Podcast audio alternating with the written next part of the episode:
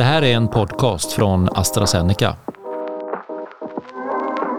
Hedvig, jag vet att du gillar att vandra och du vandrar, det är inte var som helst utan du åker till Kanada och vandrar, eller hur? Precis, jag brukar vandra i Whistler på västkusten i British Columbia. Mm. Det är underbart. Jag gjorde min postdoc, eller två postdocs i Kanada, så jag var i Toronto i fem år. Så Kanada är liksom lite av mitt andra hemland. Så därför åker jag nu till västkusten där och, och vandrar. Ja, jag förstår.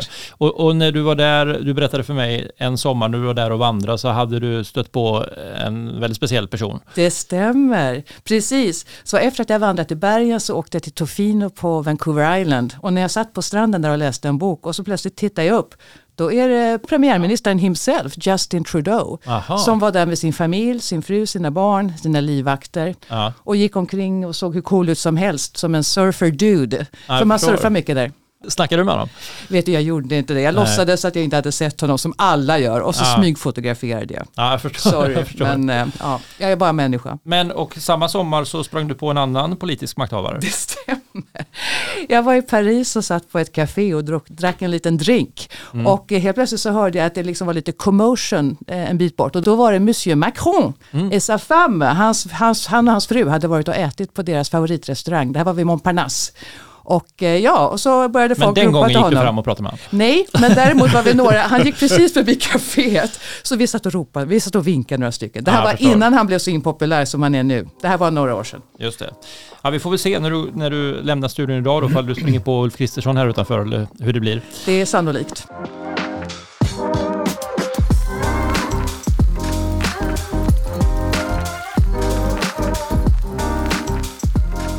Då säger vi välkommen till det elfte avsnittet som det faktiskt är av eh, AstraZenecas podd Snacka om livet. Och idag så har vi med oss eh, våran gäst Hedvig Söderlund som är professor i psykologi och författare. Välkommen Hedvig! Tack snälla, jättekul att vara här. Och eh, som vanligt har vi Andreas Hedini här, medicinsk chef på AstraZeneca. Tack så mycket. Och eh, det är Viktor Jangentorp som sköter tekniken och eh, jag som pratar heter Carl-Johan Karlsson. Jag jobbar här med kommunikation på AstraZeneca. Och idag så ska vi prata om, ska man sammanfatta egentligen, hjärnan. Ja. Vi ska prata om hjärnan. Hur fungerar hjärnan eh, när det handlar om minnet, när det handlar om stress och utmattning och eh, ja, olika delar och aspekter av hjärnans funktioner och hur det påverkar oss människor i vår vardag helt enkelt.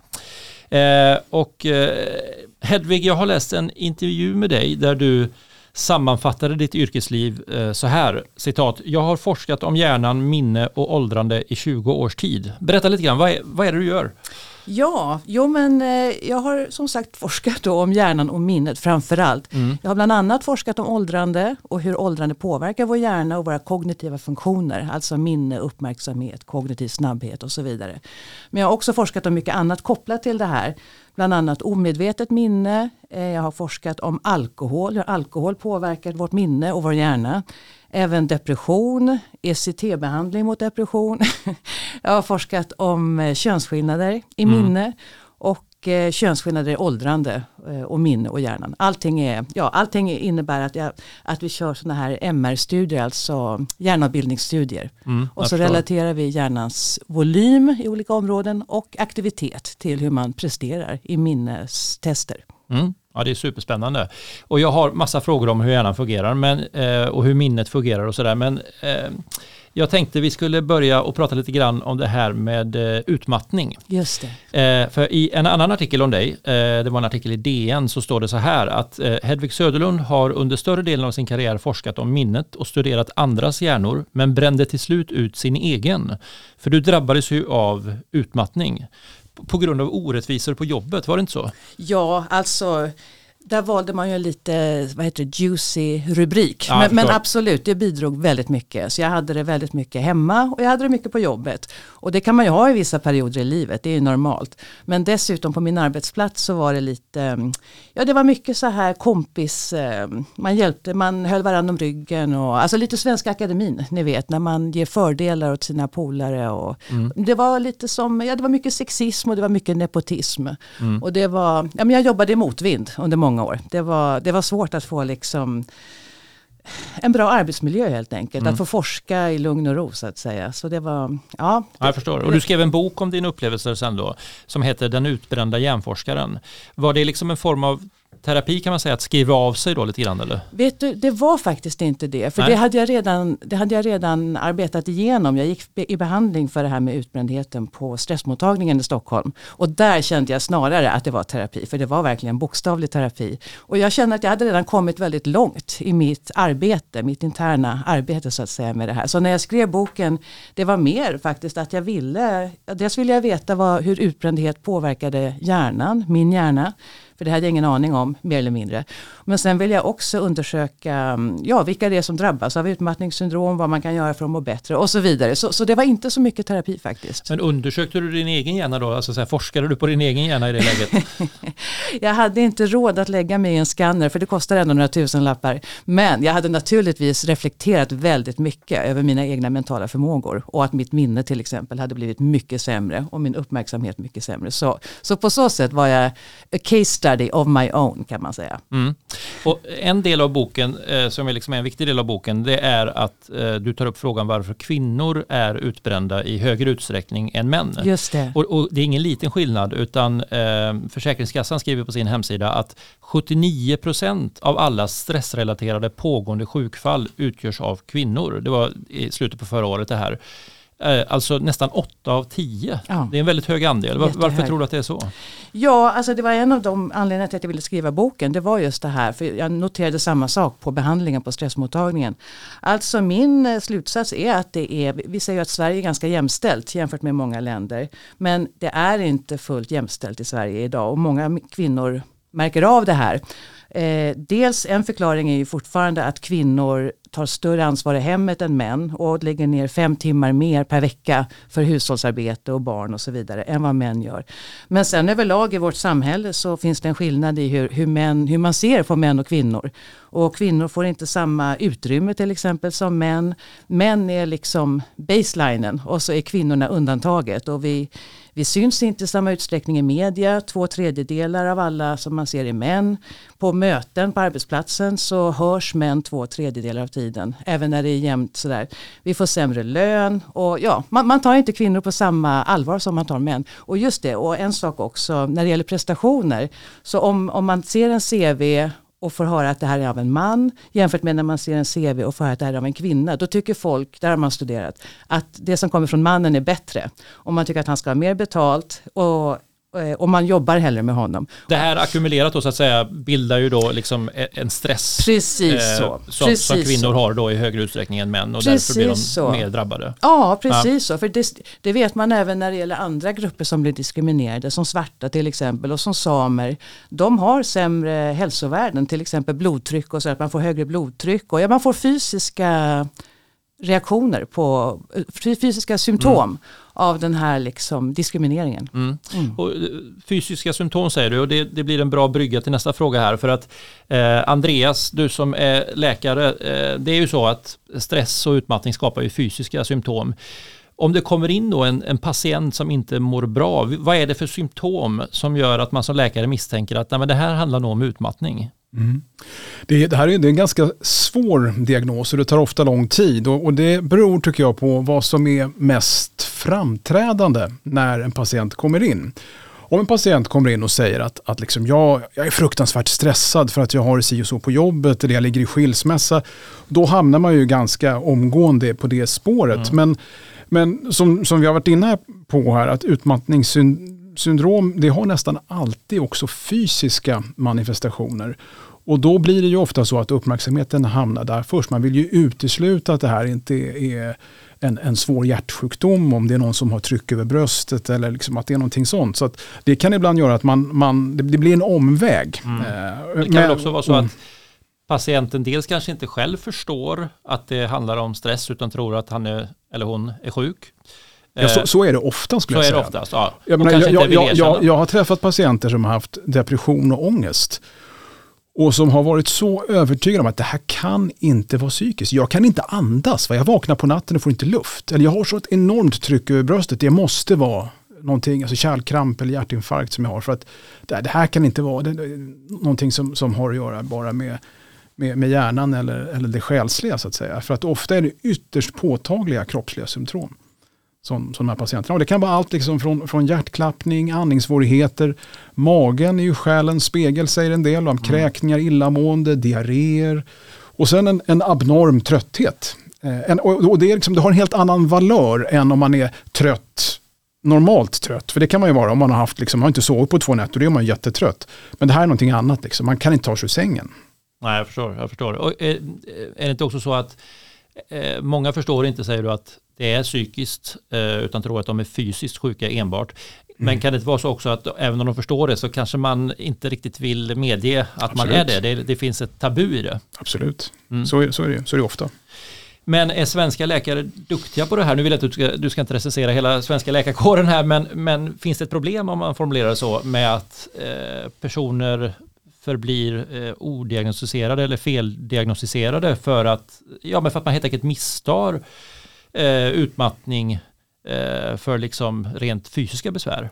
Mm, alltså jag, jag, jag, kan inte säga om vi i Sverige är, är bättre eller sämre än andra jämförbara länder när det gäller att hantera just utmattning och andra, andra liksom psykiska ohälsoproblem. Men eh, om, om jag, det som jag just sa om att man liksom inledningsvis kanske är inriktad på att utesluta eh, rent kroppsliga orsaker som är liksom akuta eller alarmerande. Så tror jag en viktig faktor just nu det är ju att, att sjukvården är under väldigt stort tryck, inte minst primärvården. Och grovt förenklat så kan man väl säga så här att, att eh, om man, om man är akut svårt sjuk, om du är psykotisk eller om du blivit påkörd eller har en nydiagnostiserad cancer, då får man ju förstklassig vård. Men sen finns det ju många patienter som har mer diffusa eh, besvär. Och nu vill jag inte förminska det på något sätt, för det här är också allvarliga, mm. eh, allvarlig sjukdom. Men det är ju inte riktigt lika akut kanske. Och, och då så kan det lätt bli så att man faller mellan stolarna. Det finns en väldig brist i primärvården på, på psykologer, kuratorer, psykiatriker som, som hanterar just den här typen av, av, av besvär. Mm. Och det är ett problem. Just det.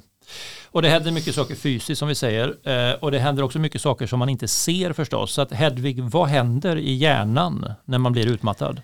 Ja, en sak som man har sett. Eh, många får ju som sagt väldigt svårt med uppmärksamheten och koncentrationen. Man, kan bara, man, man får svårt att läsa böcker och långa texter och, och sådär.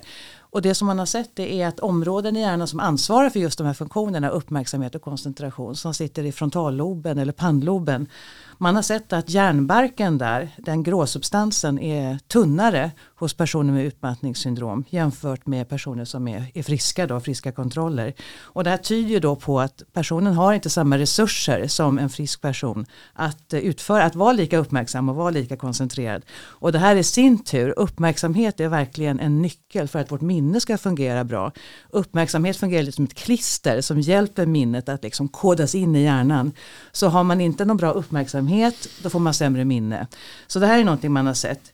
Man har också sett att eh, personer med uppmärksam, eh, uppmärksamhet, med utmattningssyndrom har en större amygdala, vilket är lite intressant. Så amygdala är vårt, vad ska man säga, vårt rädslosystem, vårt alarm i hjärnan som, som varnar oss när det är någon fara i omgivningen. Det här klassiska fight or flight eh, responsen står amygdala för. Och då har man som sagt sett att de har större amygdala, vilket är, man vet inte om det var så att de hade det innan redan eller om det var så att de har fått den för att de har liksom varit uppe i varv sådär så, många, så mycket.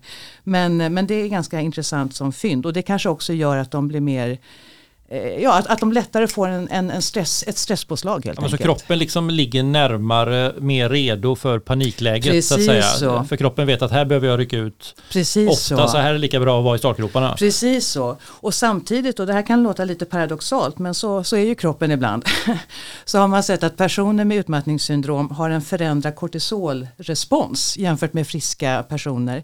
Att när de utsätts för någon typ av stress eller fara, då slår inte kortisolet på i samma utsträckning som det gör hos friska utan den har en mer vad säger man, flack eller flat, jag vet inte vad man mm, säger, mm. respons. Och än en gång, huruvida det är medfött eller inte, vem vet. Vad innebär det med kortisol, vad har det för funktion egentligen? Ja, det, det gör ju att kroppen gör sig redo för att antingen slåss eller att dra iväg. Mm. Ehm, och, och, det gör att musklerna spänns, hjärtat drar igång och slår fortare. Mm. Ehm, om man andas snabbare och sådär. Så, så den, den, gör sig redo liksom helt. Och, och, att man hamnar liksom i ett stresstillstånd sådär. Ah, okay, okay. Och personer som har haft gått med utmattningssyndrom länge, de har ju liksom, ja, ja men stress, stresssystemet har blivit eh, skadat och liksom Det är liksom överaktiverat Det är överaktiverat ja. och, och, samtidigt, ja, det, det, är lite komplext. Men om, om, och, och, ja, och får jag lägga till en sak yep. bara med det här hjärnfynden som är så mm. himla intressant tycker jag. Just det här med, ja. jo, så man har också sett att frontallobens kontroll av amygdala, alltså amygdala som sagt slår ju på och, signalerar till oss att nu är en fara. Men den, den kan ju inte så här agera okontrollerat för då går vi jämt omkring och är rädda sådär. Så därför har front, front, frontalloben en kontroll av amygdala och reglerar våra känslomässiga reaktioner. Man har sett hos personer med utbrändhet, utmattningssyndrom, så har kopplingen mellan de två blivit eh, svagare, den har försvagats. Så frontalloben har inte samma förmåga att kunna reglera amygdalas eh, funktion, vilket betyder att reaktionerna blir mycket starkare. Och det här är så typiskt just i utmattningssyndrom, att folk blir väldigt lätt irriterade och man liksom bara så här, så här säger ifrån. Jag blev också, jag skällde ut mina doktorander vid ett tillfälle mm -hmm. som jag inte brukar göra. Så och i boken, Den utbrända hjärnforskaren, då skriver jag om, eh, vad heter han, Mike Douglas heter han va, som spelade i Falling Down, den här gamla filmen från 90-talet. Michael Douglas. Michael, mm. jag sa nog fel, ja, Michael Douglas, precis. När han går in på McDonalds och vill beställa frukost och de bara, tyvärr, det är två minuter sedan vi slutade det. Mm. Och han blir galen mm. och går och hämtar ett automatvapen. Lite så reagerar folk med utmattningssyndrom. Just det, jag förstår. Mm. Men om det är så då att, för det är helt uppenbart då att hjärnan skadas av utmattning helt enkelt. Absolut. Vad är de här skadorna man får då, är de bestående eller är det så att hjärnan kan eh, läka sig själv om man, om man blir bättre? Just det. Jo men det är det som är så underbart att hjärnan är plastisk som det heter. Den kan reparera sig själv om man lyckas lyckas ta bort stressen å ena sidan och å andra sidan få chans att vila och ägna sig åt olika typer av hjärnreparerande aktiviteter så att säga. Ja just det, och vad, vad är det för något? Vad, ja. vad är hjärnreparerande aktiviteter? det vill man ju veta. Förutom vila då förmodligen. Precis, kanske. ja men precis. Nej men det är väldigt bra till exempel med naturen. Naturen är fantastisk, som det här med att vandra i bergen som vi var inne på. Det är så bra för själen och, och även hjärnan. Man har också sett att meditation och mindfulnessövningar är, är bra för hjärnan. Det är också bra att motionera i viss mån. Så till exempel att hålla på med så här kardiovaskulär träning eller vad heter cardio, ja, alltså där, när hjärtat drar igång. Löpa. Det, löpa, precis. Mm. Det är ingen höjdare när man är mitt inne i en utmattning för kroppen har inga resurser kvar. Det finns inga reservkapaciteter att ta av. Däremot lite långsammare promenader. Jag körde med en PT och körde lite så här muskelträningar mm. så, så, så, att hjärtat inte drog igång alldeles för mycket. Liksom. Det är väldigt bra för att stärka Men, både alltså, kropp och Den här frågan då, kondition ja. eller styrketräning eller liksom, du, du, säger att det är bättre att träna sig stark Mycket än, bättre, än att träna kondition? Absolut, ah, okay. för, för hjärtat Hjärtkroppen vet inte om det är på grund av stress eller på grund av liksom fysisk eh, en fysisk utmaning som, som det drar igång. Kroppen vet inte skillnad på de två. Så, det, det, det, ja. så man kan till och med trigga sina besvär? Det är precis det jag menar. Jag ja. uttrycker mig lite oklart. Men Nej det, då, tack snälla. Det det. Eh, men men okej, okay, för nu är, det ju, nu är det ju snart sommar. Eh, och eh, man kan väl tänka sig att det är många som kanske jobbar lite extra hårt den här tiden på året för att det, liksom, det är mycket som ska eh, bli gjort helt enkelt innan semestern och högen av arbete liksom växer på många skrivbord runt om i landet. Eh, och här har du sagt några tips då, meditera, eh, träna och så vidare. Vad, vad har du mer för tips för att liksom hantera den här typen av toppar i arbetsbördan? Att man har toppar i arbetsbördan det, det, brukar inte vara något problem så länge man vet att längre fram så kommer jag att få vila. För det stora problemet med utmattningssyndrom det är just att det är ett resultat av en lång, lång, lång, lång, långtgående stress där man aldrig får chans att återhämta sig. Men om man vet att i sommar om en månad så kommer jag mm. att kunna stänga av datorn, kunna koppla ner mejlen och bara ta det lugnt. Då, då brukar man klara av de där topparna. Och när det gäller sen semestern så tycker jag det är många som liksom småarbetar lite på semestern. Och jag mm. vet, ibland har man inget val, jag förstår det.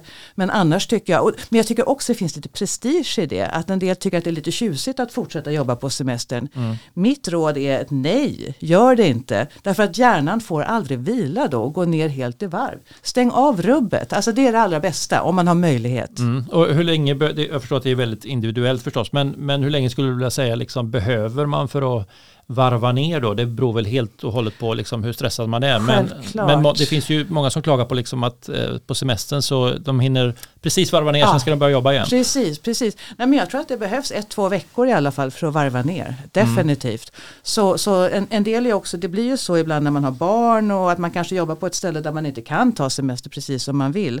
Så att en del kanske är lediga två veckor, jobbar en vecka, ledig tre veckor, jobbar, och sådär. Och det, det är inte optimalt för, för hjärnan som sagt den hinner inte lugna ner sig ordentligt för sen börjar man ju stressa upp sig innan man börjar jobba också för man börjar tänka på det där. Mm. Så, så det optimala är, och det, det känner väl alla egentligen på sig, det är att vara ledig så länge som möjligt utan avbrott. Just det. Telefonen, är det våran vän i detta känner du? Eller, eller, är, det, eller är det så att säga boven i dramat? Ja men precis, alltså det Ja, och jag, jag gör inte som jag säger för jag har också mejlen på hela tiden. Jag har mm. inga så här notifikationer eller vad det heter Nej. som kommer och plingar och har så det är allt stängt, stängt av allt sånt där. Mm. Men ja.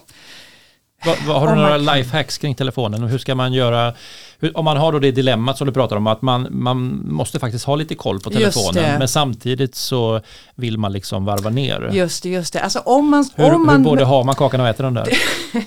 om man kan reglera sig själv så pass att man bara kanske kollar mejlen en gång om dagen på semestern. Mm till exempel. Det skulle jag. Och många är ju sådär också när man vaknar på morgonen att man sträcker sig efter mobilen och kollar liksom allting innan man ens har gått upp. Mm. Jag är också tyvärr en av dem som gör det väldigt ofta men jag försöker att sluta göra det. Men det tror jag är väldigt bra att inte kolla mobilen det första man gör på morgonen. Det är liksom eh, ja, man bara känner hur hela stresssystemet går igång. Så här, bara jag pratar om du känner det. Mm, jag förstår. Andreas, vad har du för lifehacks kring din telefon? Har du den, är den fastklistrad vid din sida hela tiden eller tar du pauser från mobilen ibland? Jag tror faktiskt om jag inte, om jag inte behövde mobilen i jobbet, eller eh, klart min familj vill också att jag ska ha mobil, sådär, men för egen del så skulle jag inte ha svårt att klara mig utan mobil helt och hållet faktiskt. Nej, okej. Okay, okay. Nej. Har du med den när du vandrar? Eh, ja, det har jag för att kunna ringa hem och sådär. Men, ja. men uh, nej, jag, vet inte, jag, jag kan inte säga att jag liksom... Det, det, det, jag är inte en av dem som, som liksom tittar på telefonen det första jag gör när jag vaknar. Nej, nej jag förstår. Nej. Jag förstår. Vi ska fortsätta prata lite grann om det här med då, eh, vad, det, vad det är som händer i, i kroppen så att säga. Eh, jag tänkte fråga dig Andreas, eh, vad, vad, är det i kroppen som gör att träningen då inte bara påverkar oss positivt fysiskt så att säga, utan vi kan få större muskler och bättre kondition, mm, mm. utan att också liksom träningen påverkar den psykiska hälsan. Vad är det som händer i kroppen? Men så fysisk träning är ju, är ju, bra på så många sätt. Kroppen är ju liksom gjord för att man ska röra på sig. Så, så att precis som du säger, utöver att man får liksom en bättre cirkulation, stärker hjärtat och, och, och lungorna och muskler och leder och skelett. Så det är också så att man får en, en, en, ökad frisättning av, av signalsubstanser i hjärnan som till exempel dopamin, serotonin och, och de ger ju ökat välbefinnande. Då. Eh, och så vet man att sömnen förbättras och det i sig är ju också kopplat till ett, ett, liksom ett bättre mående. Eh, och när man tränar så frigörs också endorfiner eh, som gör att man mår bättre och känner sig piggare. Och endorfin det är en slags hormoner då i, som en del pratar om att det är kroppens eget morfin. Men, men det, det, kroppen tillverkar det själv och det lindrar smärta och, och utsöndras liksom, inte bara när man tränar utan också när man har roligt, skrattar, när man har sex och liksom, ja, mycket som är lustbetonat så att säga. Så det är någonting positivt. Jag förstår. Men eh, eh, finns det några typer av liksom, träningsaktiviteter eller andra aktiviteter som eh, som utsöndrar liksom extra mycket av de här ämnena? Har man mätt liksom, vilka aktiviteter ger mest av de här ämnena som du pratar om?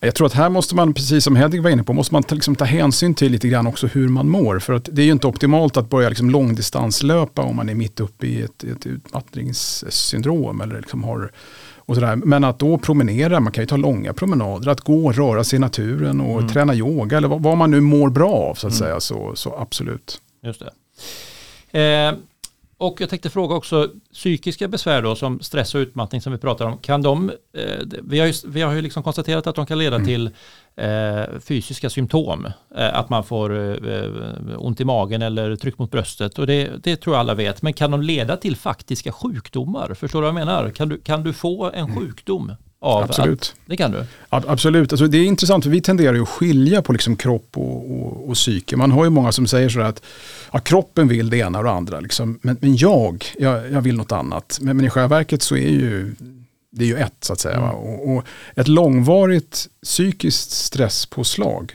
eh, det är ju skadligt för kroppen. Vi var inne på det lite tidigare. Det är en belastning på, på, på hjärtat, på cirkulationen men även på andra organsystem. Så att säga. Det är ett, ett fysiologiskt påslag av stresshormon och det är ju kopplat till den här fight eller flight reaktionen som ju evolutionärt är ändamålsenlig. Så att säga. Men här har man en, en stress under lång tid. Det är inte bara en, en, en fara som dyker upp i horisonten och som du måste springa ifrån eller slåss emot. Utan här är man i det här tillståndet i, i, i, månader, kanske år, konstant. Och, och, det har ju enormt eh, negativa effekter på, på, på kroppen. Liksom. Och, och, det leder till förändringar i ämnesomsättningen med höjt blodtryck, höjt kolesterol, högt blodsocker, alltså diabetes, minskad testosteronproduktion, Eh, också mottaglighet för, för infektioner, man sover sämre. Mm. Så att mm. visst är det så, det finns en, en direkt koppling med liksom en ökad allmän sjuklighet som är kopplad till stress. Just det, så du kan få diabetes av att stressa, du kan få en hjärtinfarkt av att stressa. Mm, kan ja. man få. Ja. Och med,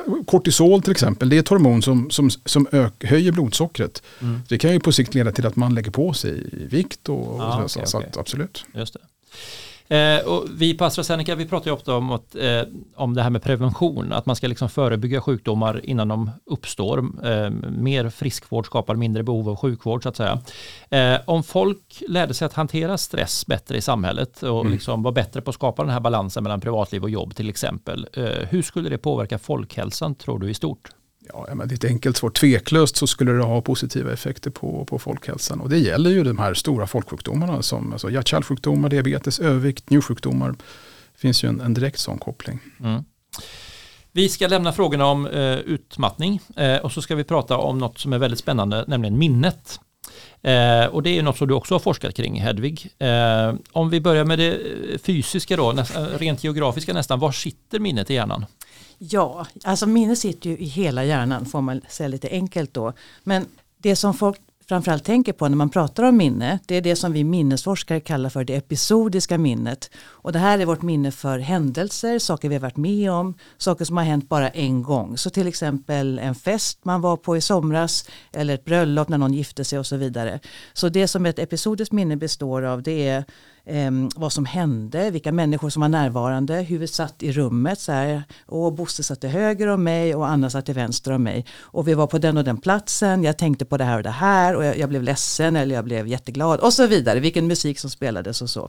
Så i hjärnan då, då finns det en struktur som jag själv har studerat väldigt mycket under min karriär. Det är hippocampus som sitter djupt inne i hjärnan i tinningloben och jag brukar skoja lite och säga att den är ungefär som polisonger om man tänker sig så. Så att det är en liten långsträckt, långsträckt struktur mitt inne i hjärnan. Och hippocampus är den fungerar i episodiskt minne lite grann som en pointer. Den håller reda på var någonstans i resten av hjärnan som de olika detaljerna av ett minne ligger lagrade. Så till exempel det visuella finns i synkortex, i eh, occipitalloben, i nackloben. Eh, tankarna finns i pannloben skulle jag påstå. Eh, ljudet finns i tinningloben och så vidare. Så den pekar på de olika detaljerna och så sammanför den allt det här till ett enhetligt minne. I hippocampus finns också vårt så kallade spatiala minne som är minne för typ lokalsinne, att ah, hitta ja. från en mm. plats till Just en annan. Ja. Så det är också någonting som hippocampus eh, är involverad i och det är faktiskt en väldigt stor del av vårt episodiska minne också. När vi kommer ihåg en händelse så minns vi för det mesta var vi var någonstans.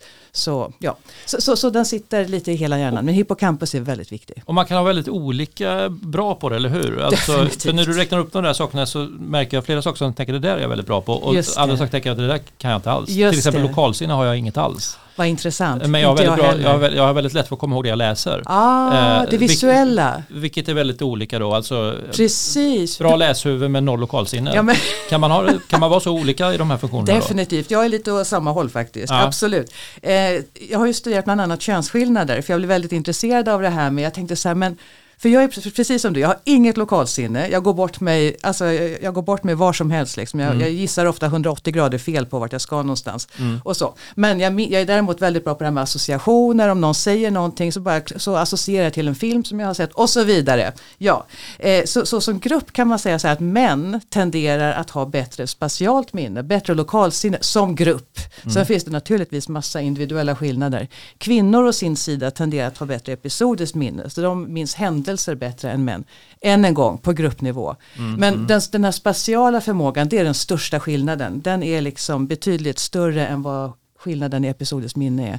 Så det här testar vi bland annat i, i labbet och i minneslabbet genom att folk får se en sån här, ni vet en här tredimensionell figur som kan se ut som en så här lång kub som fanns på när jag var ung. Ja, hur som, mm. tredimensionella figurer som man ser då på ett papper. Och så ska man föreställa sig i sitt huvud för sitt inre att man vänder den här. Hur ser den ut upp och ner? Ja. Och en sån uppgift är män signifikant bättre på än kvinnor. Ja, okay. Till min stora okay. förtret. Jag hatar de där uppgifterna, de är hemska. Ja. Ja. Och, och, om man då, eh, om du och jag vill få bättre lokalsinne, eller om man vill få bättre minne på något annat sätt, kan man öva upp det och få bättre minne? Vet du, det verkar som, för vi har också tittat på spatialt minne med sådana här tv-spel, alltså att man går i så virtual reality-miljöer. Och det, här är det svårt att veta vad som är vad. Är det personer som har bra sånt här minne som, som, som är, blir bra på de här spelen, eller har de spelat de här spelen så länge att de har blivit bra på, på spatialt minne. Mm. Jag vet inte, jag kan inte säga om det förbättrar det här minnet eller inte men det finns ett högt samband i alla fall. Eh, men sen när det gäller minne överlag, ja men då är det igen det här med att ha en hälsosam hjärna. Mm. Till exempel att springa vet vi ju ökar den så kallade neurogenesen i hjärnan. Alltså tillväxten av nya nervceller. Vi får alltid nya nervceller i hjärnan oavsett vad vi gör. Men den här takten för den här neurogenesen, tillväxten kan öka eller bli långsammare. Så om vi springer, man har sett, eh, man har sett råttor som springer i sådana här hjul till exempel. Mm. Och så har man kollat i deras hippocampusen. Då har man sett att de har fått nya nervceller av det här i större utsträckning än råttor som inte har gjort någonting. Så det vet man. Och har vi nya nervceller, ja, då kan vi lägga upp nya minnen på dem och koppla ihop med tidigare minnen och så vidare. Så det, det är en bra sak. Just det. Och jag tänker på de här som kan liksom eh, rabbla upp tusentals decimaler i pi och sådär. Eh, Just det. Det, det, inte, det kan de ju inte göra de är inte födda med det så att säga att de, att de tittar på pi och så rabblar de utan de har ju tränat och tränat och övat absolut, och övat antar jag. Absolut, så det finns ju sådana här klassiska minnestekniker, nu avbröt jag dig. Nej det, ja, absolut inte. Det finns ju klassiska minnestekniker, en som är väldigt använd sedan de gamla grekerna är Locus-metoden och Locus är alltså en plats och det går ut på att man ska gå igenom mentalt då eh, en plats som man känner väl till och där under resans gång så att säga så lägger man ut olika föremål eller siffror eller vad det kan vara som man vill komma ihåg. Och det underlättar då, ifall man kopplar ihop det här med spatialt minne så underlättar det att, att komma ihåg de här sakerna. Så det är många som använder sig av det. Mm. En annan metod är att använda sig av associationer. Det är också ett sätt att komma ihåg att, ja nu har jag inget exempel bara för det, men eh, Ja men till exempel om man ska komma ihåg en portkod. Ja. Då brukar man kunna associera de olika siffrorna med till exempel någon födelsedag, en historisk ja, händelse och just så vidare. Det. Eller um, 18, att, att det är då man får köra bil. Ja men är det, om koden är 1945 så tänker man bara andra världskriget slut. Hur? Så, så har man hur? hela koden där. Precis, ja. precis. Så, så, så massa sådana där knep. Och en tredje sak kan vara skarp, äh, att äh, skapa starka bilder för sitt inre. Om man ska handla mjölk och bröd eller ja, men något sånt där. och då kan man föreställa sig så här ett rum som är helt översköljt med mjölk eller ja, jag förstår det som, ja. en, som en princip. Det. Att, att det man ska komma ihåg ska man skaffa liksom en överbild. Då skapar man egentligen ett nytt minne, eller hur? Alltså man skapar, ett, man skapar ett nytt minne som man ska lättare komma ihåg Absolut. än det minnet man eh, fick till sig via bara en siffra. Abs ja, ja, men precis. Igår var jag, förlåt, jag gör en liten extra grej här. Igår ja. var jag faktiskt på ett bokmingel på, på Bonnier och då pratade jag med en kvinna som hade skrivit en bok som hette Ljusets dotter och jag sa fel hela tiden, jag sa solens dotter, solens dotter och hon sa nej ljusets dotter. Mm. Jag, men då, då tänkte jag så här, aurora, för mig betyder det ljus, jag vet inte om det betyder det. Men i alla fall. Ja, precis. En gång till. Morgonrodnad. Ja, du ser. Ja. Så då tänker jag bara aurora och då kommer jag på namnet. Så, mm. ja. Just det. Förbättra minnet kan man helt klart göra. Kan man försämra minnet? Absolut, det är lätt. Ja, lätt men icke önskat. lätt men icke önskvärt. Sömnen var vi inne på lite grann här mm. tidigare. Sover man dåligt en natt, några nätter, alltså det blir ju hopplöst. Det, det fastnar ingenting då i hjärnan. Så det är definitivt ett sätt att sova dåligt. Sen olika typer av droger naturligtvis kan ju försämra minnet. Alkohol försämrar mm. minnet och marijuana försämrar minnet om man håller på med det för mycket och sen att åldras, olika sjukdomar och så. Ja. Vad bör man undvika då i livet för att inte försämra sitt minne? Man ska, inte, man ska inte dricka för mycket. man ska eh, leva ett tråkigt liv. Man ska leva... Nej, jag skojar. man ska inte ta droger och man ska se till att få sömn. Precis, precis. Eh, finns det något i maten man ska tänka på? Alltså järn är naturligtvis bra. Mm. Eh, jag vet inte. just det, när, när, jag tänker nu på åldrande så är en B12, um, vitaminen B12 har man sett sjunker ofta hos människor när de blir lite äldre. Mm. Och den har man sett uh, hänger samman med kognitiva förmågan ganska mycket och även minne. Så att få i sig vissa få i sig vissa vitaminer, svårt att säga, mm. är, är viktigt, definitivt. Mm. Vad skulle du säga Andreas, vad är, vad är det för leverne som man ska ha om man ska ha ett bra minne? Ja, du vet, på spaning efter den tid som flytt av Marcel Proust, den inleds ju med den här frasen, länge hade jag för vana att gå tidigt till sängs. Så mm. att jag tror att sömn är viktigt faktiskt. Det har visat sig att man, det finns ju människor som klarar sig bara på 4-5 timmar per natt. Men den gruppen, även om de är högpresterande i unga år, så, så har man sett att de löper ökad risk att få demenssjukdom och sådär. Så att, mm. sömn är uppenbarligen viktigt. Ja. Och det skapas ju ofta en mytbildning kring just sömn och framstående personer, alltså att stora statsledare de eh, sov bara två timmar per natt mm. och sådär. Men, det, men det, är, det är helt enkelt skadligt. I längden så är I det längden, definitivt ja. skadligt. För, för de flesta, ja, precis. Ja. Precis, precis. Eh, ja, men vi fortsätter med minnet, för minnet är ju intressant. Eh, Bland annat för att minnet ofta liksom spelar oss ett spratt, eller hur? Att man, eh, man minns fel helt enkelt. Trots att man liksom är helt säker på att så här var det, men så visar det sig att nej men så här var det inte alls. Hur, hur kan det vara så att man har ett så tydligt minne och så visar det sig att det var, det var, inte så. Ja, det där är så irriterande. Som när man är två vänner och så minns man väldigt olika och båda är lika säkra på att de har rätt. Mm. Man kan ju nästan bli osams på grund av det. jo, alltså vårt minne, och nu pratar jag än en gång om det episodiska minnet när vi minns händelser. Det är inte som en filmrulle som vi plockar fram i vår hjärna och så ser den likadan ut varje gång. Utan man har märkt att minnet är föränderligt. Så varje gång som vi tar fram ett minne så blir det instabilt brukar man säga. Och och om det inte, eller förlåt hur ska jag säga så här, så när, när jag plockar fram ett minne så blir det instabilt och då blir det också påverkbart mm för mhm. nya influenser eller nya saker som kan komma in i minnet. För sen då när jag återkodar det i, i hjärnan igen så kan det bli annorlunda än, än hur det såg ut första gången som jag kommer ihåg det här. Så, så, så det, man har sett i en del studier där man studerar det här, det finns en kvinna som heter Loftus som studerar minne väldigt mycket och, och just falska minnen. Hon har, märkt, hon har gjort studier på situationer i trafiken. Så då får deltagarna som är med i den här studien se olika bilder. Mm. Och då till exempel så är det en bild vid en trafikkorsning och där är det en trafikskylt. Mm. Och då beroende på hur man ställer frågan så kommer personen ihåg olika. Om man säger så här, vad hände eh, vid stoppskylten? Mm. Eller vad hände vid trafikskylten? Det påverkar min... Jag, jag kan inte ja men då har man informerat vad det är för typ av skylt till exempel. Ja då. men precis, precis. Ja. och det påverkar hur de här personerna minns den här skylten. Så mm. ibland ger man felaktig information i mm. frågan. Det är inte en stoppskylt men man frågar hur såg stoppskylten ut eller vad hände vid stoppskylten. Och, och då minns personen att det var en stoppskylt ja. fast det inte var det. Och tror att det var det då. Och det var ett exempel på hur minnet kan påverkas. Just det. Ja. Och hur vanligt är det att man liksom eh, efterkonstruerar ett minne? Alltså man inte minns helt enkelt men man liksom fyller i och det är väldigt vanligt, alltså ja. för man, man vill ju skapa sig en bild av hur det var. Så absolut, har man inte information så kan man fylla på själv med, med vad man tycker, vad man vill, mm. önskningar och intressen och så vidare. Det. Och det gör man lite ofrivilligt, det är inte så att man äh, tänker nu fyller jag på lite här utan det gör man liksom äh, lite o, ofrivilligt. Automatiskt, då. Ja, automatiskt. Och tror att man har minst ja. Precis ja, så. Precis. Och faktum är, det här är intressant, ni vet sådana här speciella händelser med 9-11 och, ja. och Michael Jackson gick bort, Olof Palme, alla minns vad de gjorde då. Det mm. kallas för flashbulb memory. Flashbulb, mm. alltså en sån här ljus, eh, mm. en glödlampa. Mm. Alla minns väldigt väl vad de gjorde men man har märkt sen att alla de här minnena som folk har är inte helt korrekta. Så trots att de är bombsäkra på vad de gjorde så är det inte nödvändigtvis sanningen. Apropå då mm. att eh, vad man, ja, hur, hur pass övertygad man är överensstämmer inte alltid med Just det. Accuracy, alltså hur pass korrekt det var. Och intressant här är ju då med barndomen. Eh, för att eh, det är ju många som har svårt att minnas saker ur barndomen. Att liksom hela barndomen är bortglömd, det är ju inte så vanligt. Men det är ju många saker från när man var liten som kan vara svåra att komma ihåg helt enkelt. Man kanske tycker att man minns, men så kommer man tillbaka till en plats från barndomen där man kanske inte har varit på 20, 30, 40, 50 år.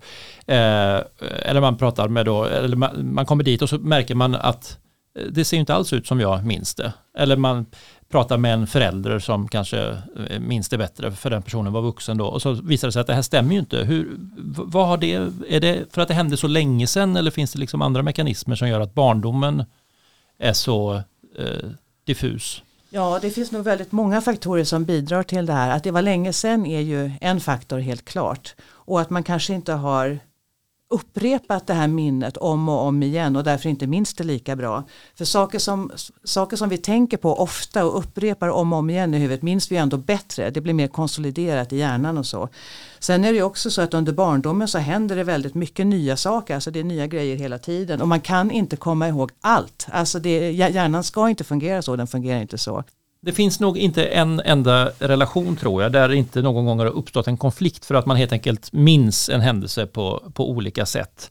Eh, och du pratade lite om innan med eh, skillnaderna mellan könen när det gäller hur det fungerar med minnet och hjärnan. Eh, minns kvinnor och män saker på olika sätt? Ja, alltså som sagt, som på gruppnivå, så, ja. alltså om de minns det på ett olika sätt, det vågar jag inte svara på. En sak som man i och för sig har studerat lite grann, det är det här med mental imagery, alltså förmågan att få en, skapa en mental bild av saker och ting. För det påverkar ju minnet ganska mycket. Jag kan inte litteraturen där så himla bra, men eh, man skulle kunna tänka sig att om kvinnor har bättre episodiskt minne överlag, alltså mm. som grupp, så kanske de också har högre förmåga att visualisera saker. Um, men jag vågar inte säga det säkert om det faktiskt är så. Som forskare vågar jag inte. Bara. Men kvinnor var bättre som grupp, sa du, på att eh, minnas händelser. Precis. Män var bättre på så att säga eh, det lokalsinnet. Så precis, att säga. precis så om konflikten handlar om vad som har hänt, då bör man lita på kvinnan. Ja, det... bör man, handlar det om var det hände, då bör man lita på mannen då. Ungefär så. Ja. Var står bilen? Lita på mm. mannen. Ja, ja, precis. Även om du tar emot. Ja, hur kom bilen dit? Lita på kvinnan. Ja, exakt.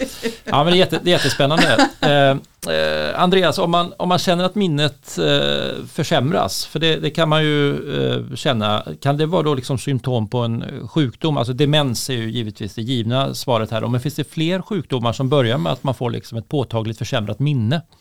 Mm, först ska jag säga, om, man, om man tycker att minnet försämras på ett påtagligt sätt, ja. då, man kan inte väcka... Annars heter det slags... bara åldrande. Ja, men jag menar, man, det, det, det, räcker liksom inte med att man glömmer nycklarna eller sådär virrig som man brukar vara, utan det ska ju vara någonting att, att man liksom, eh, man känner, och som du säger, demens är kanske det som är liksom den första eh, man vill titta in om, om man är lite äldre. Men eh, minnesstörningar och koncentrationsstörningar är ju också vanligt eh, kopplat till stress och till eh, depression, ångest, utmattningssyndrom. Så att det hör ju liksom hemma här också.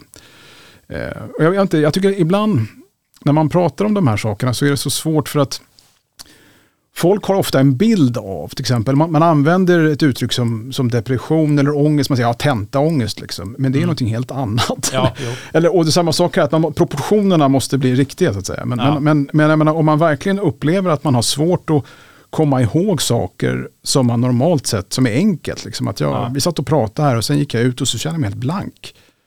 Och, liksom jag, jag, jag, var, jag, var, verkligen jag var chockad, det har aldrig hänt mig förut. Men då är det ju någonting som inte står rätt till. Mm, mm.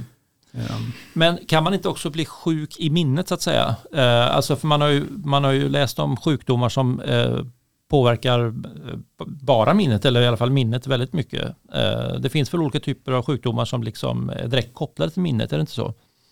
Jo men det gör det och det finns en rad olika neurologiska sjukdomar mm. som, är, som är kopplade till och det inkluderar ju också olika typer av trauman mot huvudet. Liksom att man, eh, det finns ju många sådana eh, exempel, patienter som har varit med om, haft kanske en tumör eller som man har opererat bort eller har liksom varit med om en olycka och sen efteråt så är deras förmåga att, att forma nya minnen är helt eh, annorlunda. Ja, det finns några kända dokumentärer om den här brittiska mannen som eh, tappar minnet var 30 sekund. Då börjar det om liksom. Mm.